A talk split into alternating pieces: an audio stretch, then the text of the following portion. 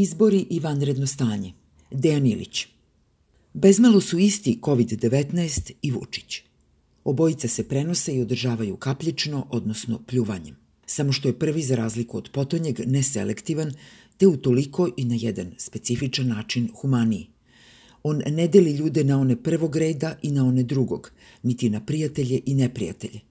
Ako bismo sad imali da zamislimo izbore sa COVID-19 i Vučićem kao kandidatima, zbog te jedne naoko sitne, ali ipak suštinske razlike između njih dvojice, bilo bi racionalno glasati za virus. U stvarnosti pak žitelji Srbije, kako sada stvari stoje, neće imati nikakav izbor. Moći će da glasaju samo za Vučića ili da na izbore uopšte ne izađu. Dobro, i ovo drugo je nekakav izbor, u iznudici – Zapravo, to drugo biće jedina ispravna odluka ako se izbori zaista udrže, kako se to već najavljuje pre leta, tako što će se sa izbornim radnjama naprosto nastaviti tamo gde se stalo pre zaraze.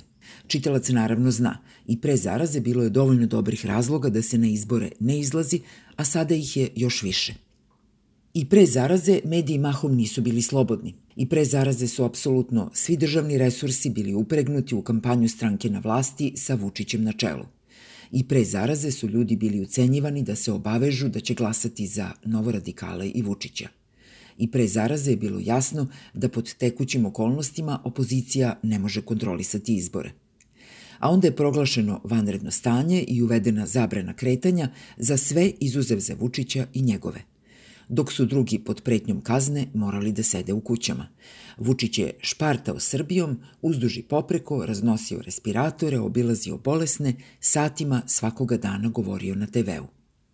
Dok je drugima bilo zabranjeno okupljanje, oni njegovi okupljali su se u Novom pazaru, Nišu, između Stare Pazove i Novoga Sada i sa svakog okupljanja, a pogotovo sa ovog poslednjeg, negde kod stare pazove, on je slao izborne poruke, koje sa zarazom nisu imale ni blage veze. Čitalac već zna kako to Vučić radi. Pljuje po opoziciji i istovremeno se vajka što ne može da je pljuje, još više.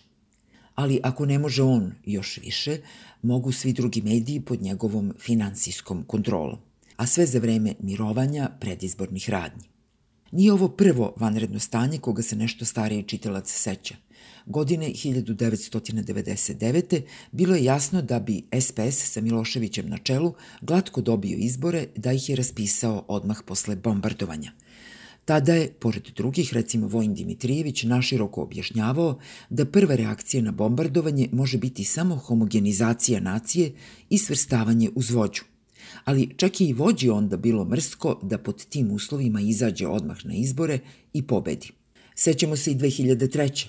Mnogi demokratski nastrojeni žitelji Srbije do danas nisu oprostili ondašnjem predsedniku vlade Živkoviću što izbore nije omogućio odmah po završetku vanrednog stanja. Znali su oni, kao što je to znao i Zoran Živković, da bi demokratska stranka glatko dobila te izbore neposredno posle atentata na Zorana Đinđića.